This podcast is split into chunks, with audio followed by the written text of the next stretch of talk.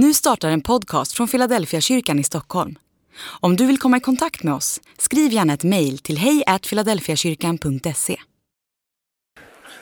Fortsätt gärna det samtalet nere på fikat sen efter gudstjänst. Jag älskar ju när människor, eh, ja men det händer något, man får hälsa på någon man inte känner. Jag heter Josef och är en av pastorerna här i Philadelphia kyrkan om inte du vet vem jag är. Och så ska, jag ska predika för er idag. I år säger man ju att det är arbetsgivarens år. Alla våra lediga dagar hamnade på en helg så vi liksom går miste om långledighet. Julen och nyår, och, men de här högtiderna har hamnat fel. Visserligen så hamnar ju allhelgonahelgen alltid på en lördag. Men även den får man OB för, för den är röd när man jobbar på en lördag. Tanken är att man ska vara ledig. Och var kommer den tanken ifrån? Att eh, man ska vara ledig, att din arbetsgivare eller du som arbetsgivare ska ge ledigt åt dina anställda på röda dagar. Den tanken kommer oavkortat ifrån Bibeln. Och från en story i gamla testamentet som upprepas gång på gång genom hela Bibeln. Varför ska man vara ledig? Ja, men det är för att man ska påminna sig om vissa saker. Och första gången man skulle påminna sig om en sak, men det var just den här storyn. Ni kanske har sett filmen Prinsen av Egypten. There can be miracles. When, ska jag med? When you be. The Amen. Härligt. Ja, men prinsen av Egypten, när människorna var i slaveri, när farao var diktatorn och hade förslavat folket. Ja, men då kommer man och minns att Gud hörde deras rop. Att Gud var den som hörde deras bön och att Gud kom till deras räddning i Egypten. Och så här kan det stå, som sagt, de här texterna kryllar av i, eh, i hela Bibeln. Och så kan vi läsa i Andra Mosebok eh, kapitel eh, 13 och vers 14. När din son, och när det står son så tänk kommande generationer, en gång frågar dig, vad betyder detta? Och där har man liksom pratat om hela påskhögtiden, alltså en, en högtid där man skulle komma ihåg det här. Med en stark hand förde Herren ut oss ur Egypten, ut ur slavlägret. Tredje Mosebok kapitel 23 och vers 42. Då, det här är en annan högtid, lövhyddehögtiden. Då ska ni bo i lövhyddor under en vecka. Alla infödda israeliter ska bo i lövhyddor. För att era efterkommande ska veta att jag lät israeliterna bo i lövhyddor när jag förde ut dem ur Egypten. Jag, Herren er Gud. Så talade Mose till israeliterna om Herrens högtider. Den här texten och den här storyn kommer ju så ofta genom Bibeln att jag ibland tänker, alltså Gud är ju lite grann som en sån här jobbig polare som har du vet, så här, ställt upp någon gång när man skulle flytta. Och varje gång man träffas så är det bara, kommer du ihåg när jag hjälpte dig flytta? Kommer du ihåg när jag liksom så här? För den kommer så ofta, just den här storyn. Men jag tror inte att det är det som är tanken med Gud, att han liksom vill påminna oss vad han har gjort. Utan storyn, denna storyn, när du är ledig, så ska du påminnas om att du inte längre är slav. Att du är idag en fri människa. Att det Gud vill ge dig en annan identitet. Därför en slav, hans identitet, det han var, hans värde var, det han kunde producera. Hur många tegelstenar kunde en slav göra på, på en dag? Det var hans värde. Nej, men Gud ville påminna sitt folk att de hade ett annat värde. Att de var hans älskade barn. Utan att prestera, utan att någonting, med villkorslös kärlek så älskar Gud sina människor. Och det är vad Gud vill påminna gång på gång, generation efter generation. Det här kommer ni glömma. Kom ihåg att jag älskar er. Annars kommer ni hamna i det här hjulet igen, där ni försöker prestera för er fram. Där ert värde finns i bara det du kan göra med din hand. Nu tänker du att ja, slaveriet avskaffades för länge sedan. Men jag tror att det här ropet, den här påminnelsen skulle vi behöva idag, i vårt samhälle idag, i vår värld. När man ser människor springer. Du vet, man jagar, man presterar och man försöker och du vet det här och allting. Man bara springer efter, ja men du vet så här, jag måste göra, jag måste göra hela tiden. Högtiden är till för att stanna upp. Ja men då hinner jag fixa trädgården och då hinner jag skicka de där mejlen när jag ska vara ledig för att ta ikapp det jag skulle göra. Nej men Gud vill hälsa oss idag tror jag. Gå inte tillbaka till Egypten, och då menar jag inte Egypten, den geografiska platsen. Utan gå inte tillbaka till det här tankesättet. Det finns ett annat värde i ditt liv, vill Jesus påminna dig om. Och det är att du är hans älskade barn.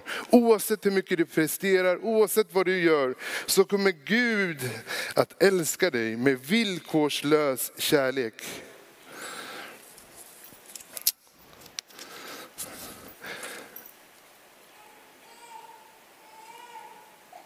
Alltså människor, när jag pratar med dem, ja, men det är, man är väldigt produktiv.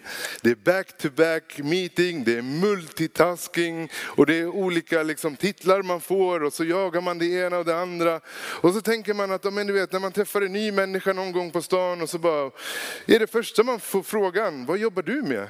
Liksom, vart är du? Vad kan du producera?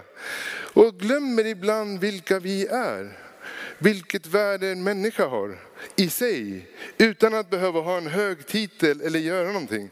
Jag tänker att Gud möter alltid oss, inte i våra titlar, inte det vi presterar, utan i dem vi är.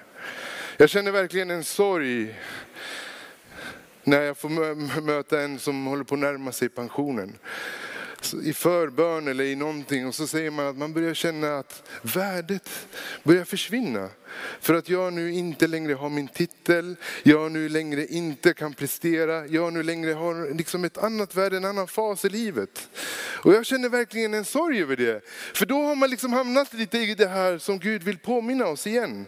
Du är inte vad du presterar, du är någonting i mina ögon. Jag brukar be och säga att grått hår är en ärekrans för ditt huvud. Det är en välsignelse att komma till åren och få vara pensionär och få bara släppa, jag längtar till det. För det, ja men Gud har ett annat värde för oss. Vi hade en eh, uppgift som vi skickade ut till våra smågrupper. En ganska märklig uppgift, som, eh, men jag tror att det är en bra tankeställare.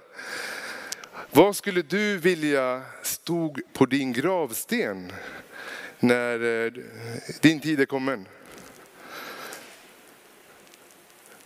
Och eh, jag vet att förr i världen så var titlar väldigt vanliga.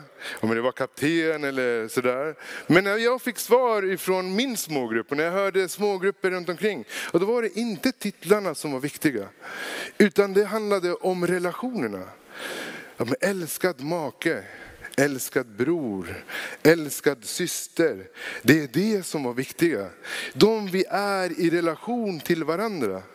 Och jag tänker när det här får landa i att vi inte behöver, du vet, jag tänker att prestera är bra. Jag tror Gud har lagt gåvor i människor. Jag menar inte att vi ska sluta arbeta. Jag tror att Gud har lagt gåvor i varje människa. Att vara med i vården eller vara med och skapa ordning och reda i ekonomi eller på olika platser. Men det är inte vårt primära värde, det är det jag vill försöka säga. Men vårt viktigaste värde är liksom relationer vi har. Och jag tror att när det har landat i att vi är Guds älskade barn, då får vi också en annan bild på våra medmänniskor. Att de också är Guds älskade barn. Och att vi tar hand om varandra på ett annat sätt. När det har landat i att jag är älskad för den jag är, men då kan jag börja älska andra människor för dem de är. Utan att behöva prestera, utan att behöva utan det finns ett värde i, i andra människor. Att man får vara en älskad vän. Jag vill bli ihågkommen för att jag var en älskad vän, en älskad bror, en älskad... Ja, men relationer är viktiga. Så skulle jag vilja bli ihågkommen. Jag tror att vi alla människor är på en resa. Vi gör en resa i karriären. Vi gör en eh, resa, kanske bostadskarriär, man flyttar runt om i Stockholm och så. Vi gör en resa inom oss själva, i familjen. familjen blir, man blir färre, man blir fler. Men eh, oavsett var man är på sin resa så tänker jag att livet är som den här bilden. När jag frågade Mia, Mia, vad vi än gör, vilken resa vi gör, så är vi alla tillsammans på en resa genom tiden. Och jag sa Mia, den här äh, bilden som vi har bakom som, som går sakta så här. Kan vi stanna den? För jag vill göra liksom en bild av i predikan. Nej, det går inte att stanna sån. Okej, okay, kan vi speeda upp den lite grann? Så att liksom så här. Nej, den går inte heller att speeda upp. Kan vi få den att gå lite saktare? Nej, det går inte heller. Den går liksom som den går och så, så är det bara. Och så är det med tiden, tänker jag. Tiden, den går bara. Vi gör alla en resa genom tiden. Men så kommer tiderna ibland när allt vi tyckte var viktigt, när allt som var så, som får tiden att bara stanna upp. En eh, farao som förslavar folket, en pandemi, ett krig i Europa. Ja, men någonting som bara får allting att stanna upp. Och liksom vi tappar lite grann, vad, vad, vad är det som händer? Finns det ett hopp för världen? Vart är vi någonstans nu med våra prestationer? vi känner att det vi har presterat kanske inte räcker till. Allt som var värdefullt förut har tappat sitt värde lite grann. Och man börjar omprioritera eh, lite grann. Vart står jag nu någonstans? Så inser vi att, men, vart är vi på väg? Vart är världen på väg? Det här med att tiden stannar upp det tillhör mänskliga historien. Det fanns en tid när Bibeln var skriven, när eh, allt kändes mörkt, när allt kändes jobbigt. Det var en tid då Jesus fanns och en tid efter det. Där man tänkte att finns det ett hopp för världen? Och det kändes så mörkt. Tiden hade stannat upp. Och det är den tiden då en bok skrivs som heter Uppenbarelseboken. Och det är en bok som oftast man har läst och ibland blivit rädd för. Ja, men det är olika drakar och olika saker och det är 666. Och när man blir rädd när man har läst den där boken så tror jag att man har misstolkat hela boken. Därför det är en bok om hopp. I en tid när allting har stannat upp. När man känner att allting är hopplöst. När man känner att nu är världen på väg mot sin undergång. Ja, men det är just då som den här boken skrivs. Johannes som själv eh, är i en tid där kejsarna, när man tänker att korrupta politiker som man kan se runt om i världen idag, ja men då var det inte bara korruption utan kejsaren själv ville bli tillbedd. Han var Gud själv i mänsklig gestalt. Han som är på tronen sa man. Han som håller de sju stjärnorna i sin hand. Kejsaren Augustus, han som ska tillbes till. Alltså hela världen har han i sin hand. Så här kunde ett mynt se ut på Johannes eh, tid tron, han som är på tronen och han som håller de sju stjärnorna i sin hand. Månen och solen och de sju kända planeterna under den tiden. Han håller hela universum i sin hand och det är kejsaren. Han är, politikerna har tagit över, världen har inget hopp längre. Och det är just då Johannes skriver Uppenbarelseboken, när allt hopp är borta. När han själv har mist sina vänner på grund av sin tros. Och själv sitter han landsförvisad på en ö där han inte får yttra sig längre. Och där skriver han det här brevet. Och han börjar brevet med att skriva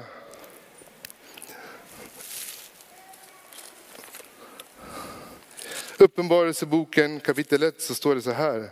Han som älskar oss. Och så står det så här. Skriv till ängeln i församlingen i Efesos. Så säger han som håller sju stjärnor i sin högra hand och han som går bland de sju lammställena av guld. Alltså det finns en annan som vi kan lägga våran blick på. Det finns en annan som är på tronen. Tronen i Uppenbarelseboken återkommer 40 gånger. Varför då? Jo men det är politiskt. Det det finns ett annan som håller världen i sin hand. Ja, men det är någon annan som håller våra liv i våra händer. Det är inte farao som har sista orden, utan när vi ber, då kommer någon till vår räddning. Det finns någon som inte sätter värde på vår prestation, utan det finns någon som håller våra liv i sin hand. Och han hör när vi ber och vi tror att världen är i hans hand. När allting känns hopplöst i vår värld, när allting känns hopplöst i våra förorter, så ber vi till honom som håller allt i sin hand. Och vi tror på att han lyssnar till våra böner när vi ber. Därför att han är den som kommer till vår räddning. Och det är han som vill påminna oss gång på gång på gång. Varje gång vi är lediga, varje söndag vill han påminna dig om att du är älskad av honom. Och han håller ditt och mitt liv i sin hand. När vi ber, ja men då böjer han sig ner står det och med stark hand kommer till vår räddning. Ibland kan det kännas hopplöst, klimathot, och jag menar inte att vi inte ska ta det på allvar. Men jag litar på att det finns någon som håller oss i sin hand. Ibland så kan livet kännas, det här är makro, politiskt. Det är förorter, det är Ukraina tänker jag. Men ibland så kan den här tidslinjen bara stannas upp av ett telefonsamtal som vi får. Ja, men någon när och kär till oss. Man får åka till akuten. Vad gör vi? Ja, men jag tror att Gud är inte bara världens Gud, utan att han är vår Gud personligen. Och han lyssnar till våra böner och han kommer till vår räddning. Han kommer till oss. Och han vill säga att han håller våra liv i sin hand. Uppenbarelseboken handlar om hopp. Det handlar om att Gud hör våra böner. Precis som han gjorde till folket i slaveri så lyssnar han till oss. Och inte på grund av att vi presterar utan för att han är din älskade far. Han älskar dig och därför vill han lyssna till dina böner. Så här i allhelgonahelgen så har du kanske besökt en grav till någon du älskade förut.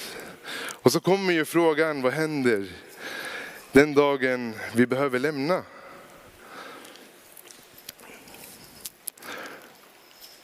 Jag hade en middag en gång med eh, min fru Isabellas arbetskollegor hemma hos oss.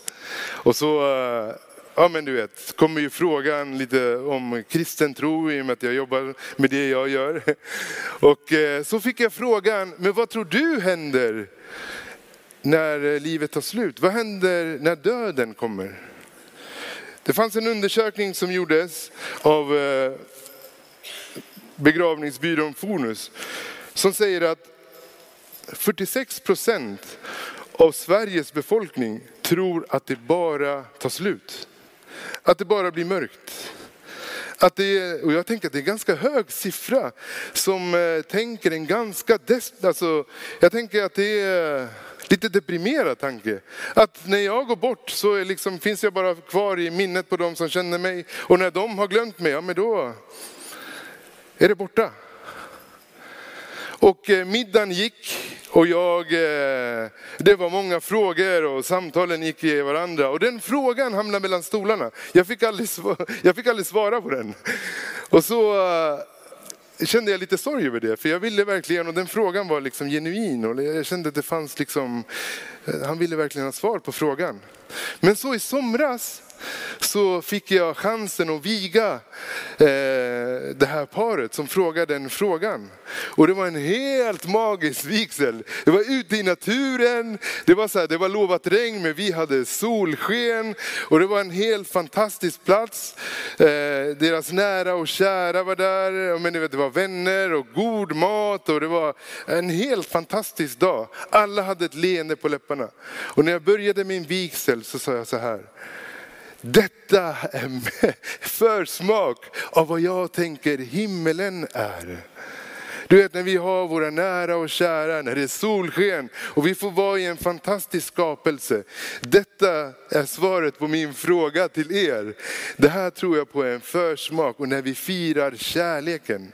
Kärleken är att Gud älskar oss för dem vi är.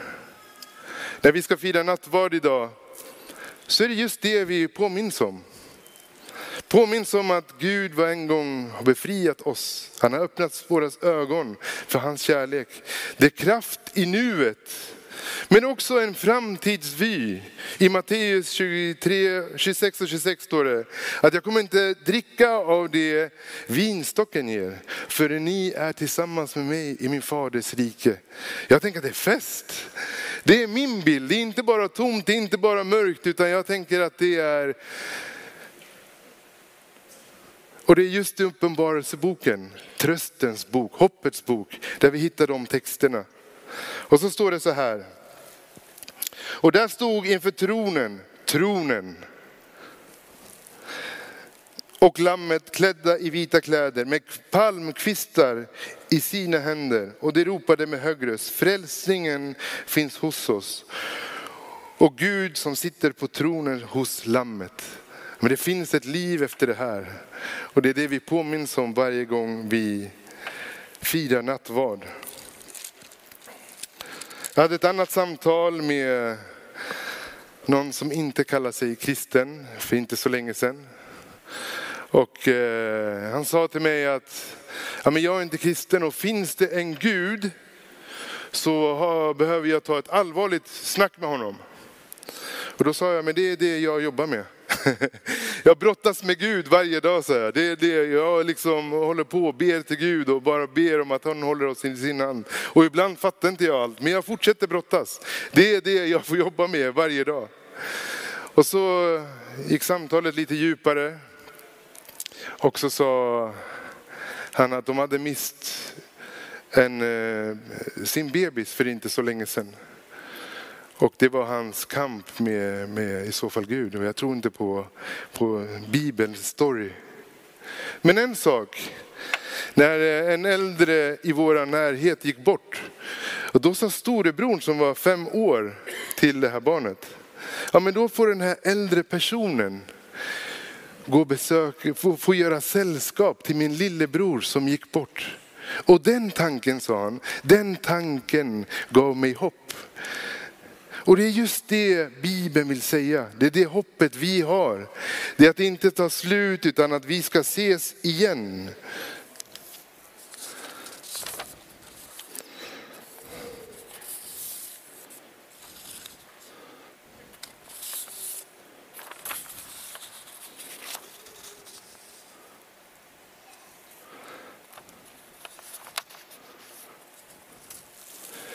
Uppenbarelseboken återigen så står det så här.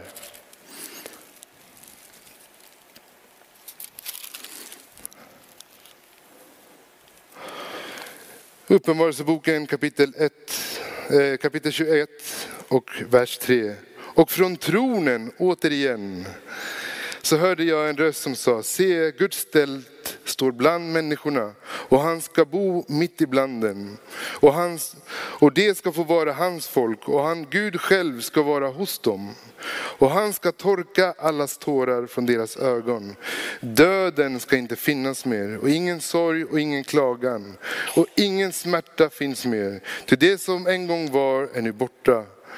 Och han som satt på tronen sa, se, jag gör allt nytt. Det finns en eh, berättelse som Niklas har sagt som har etsat sig fast i mitt hjärta. Och det är när han eh, var på väg till sin mormor när han var liten. Eh, hans mormor som brukade baka kakor till honom och hela huset luktade kakor. Men vägen dit var lång och ibland så somnade han på vägen dit. Och så eh, fick hans pappa bära in honom sista biten och lägga honom i sängen. Och jag brukar eh, tänka på det när mina barn har somnat i bilen och jag får bära dem in till huset för de har somnat. Och så tänker jag om mitt eget liv. Ja, men det finns en god far i himlen som älskar mig. Och när jag är trött och när sjukdomen kommer eller jag har glömt bort han själv. Ja, men då kommer han att bära mig sista biten hem. Så här står det i Johannes evangeliet. Känn ingen oro, tro på Gud och tro på mig. I min faders hus finns många rum. Skulle jag annars säga att jag går bort för att förbereda plats åt er? Om nu jag går bort och förbereder plats för er så ska också jag komma tillbaka för att hämta er till mig, för att också ni ska vara där jag är.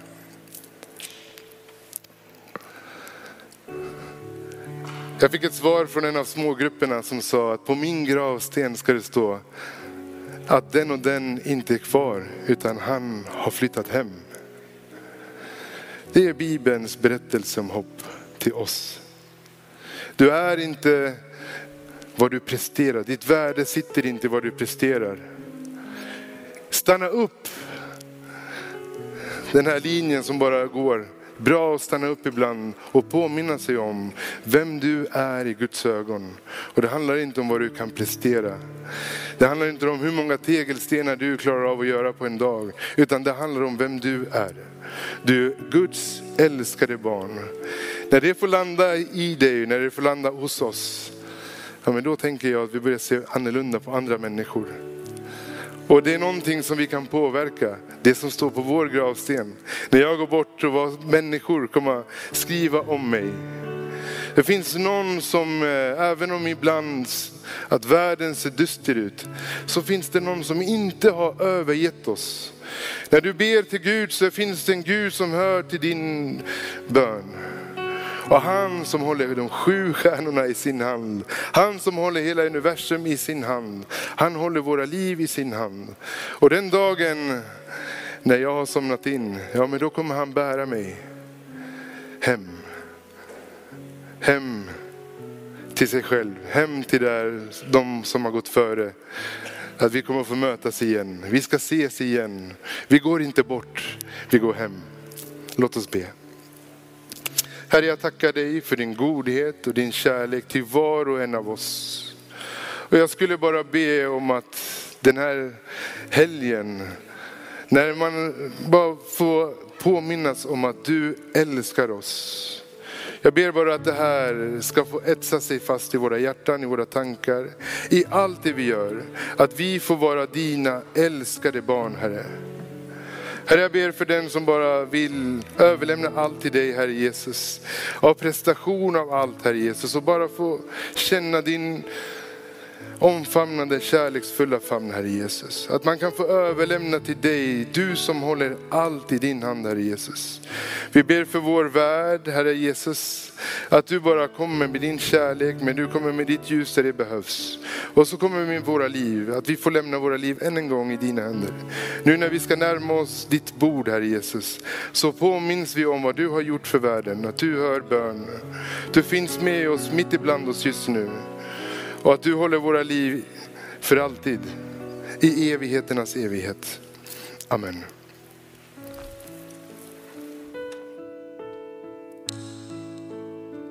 Vi ska sjunga en sång nu för er. Men jag tänker att den här sången har en utmaning med sig till dig. Att du idag igen, vi gör det här tillsammans, går ur slavoket. Ibland går vi in där igen, fast vi är fria. Och den här sången, texten börjar i den där mörka platsen som både du och jag har försökt prestera oss fram till att rädda oss själva, till att ta oss ur vårt eget mörker. Och jag tror att det finns fler med mig som har insett i förtvivlan att det går inte. Jag är körd själv. Så jag önskar att du som upplever det nu, jag sitter fast där igen. Ta den här sången, följ med den från start till slut och kliv ut i friheten i Jesu namn.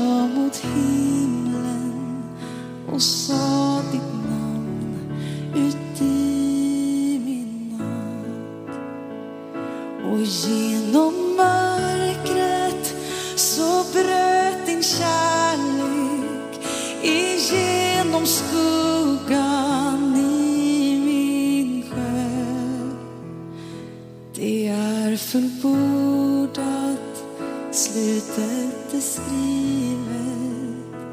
Jesus Krist, levande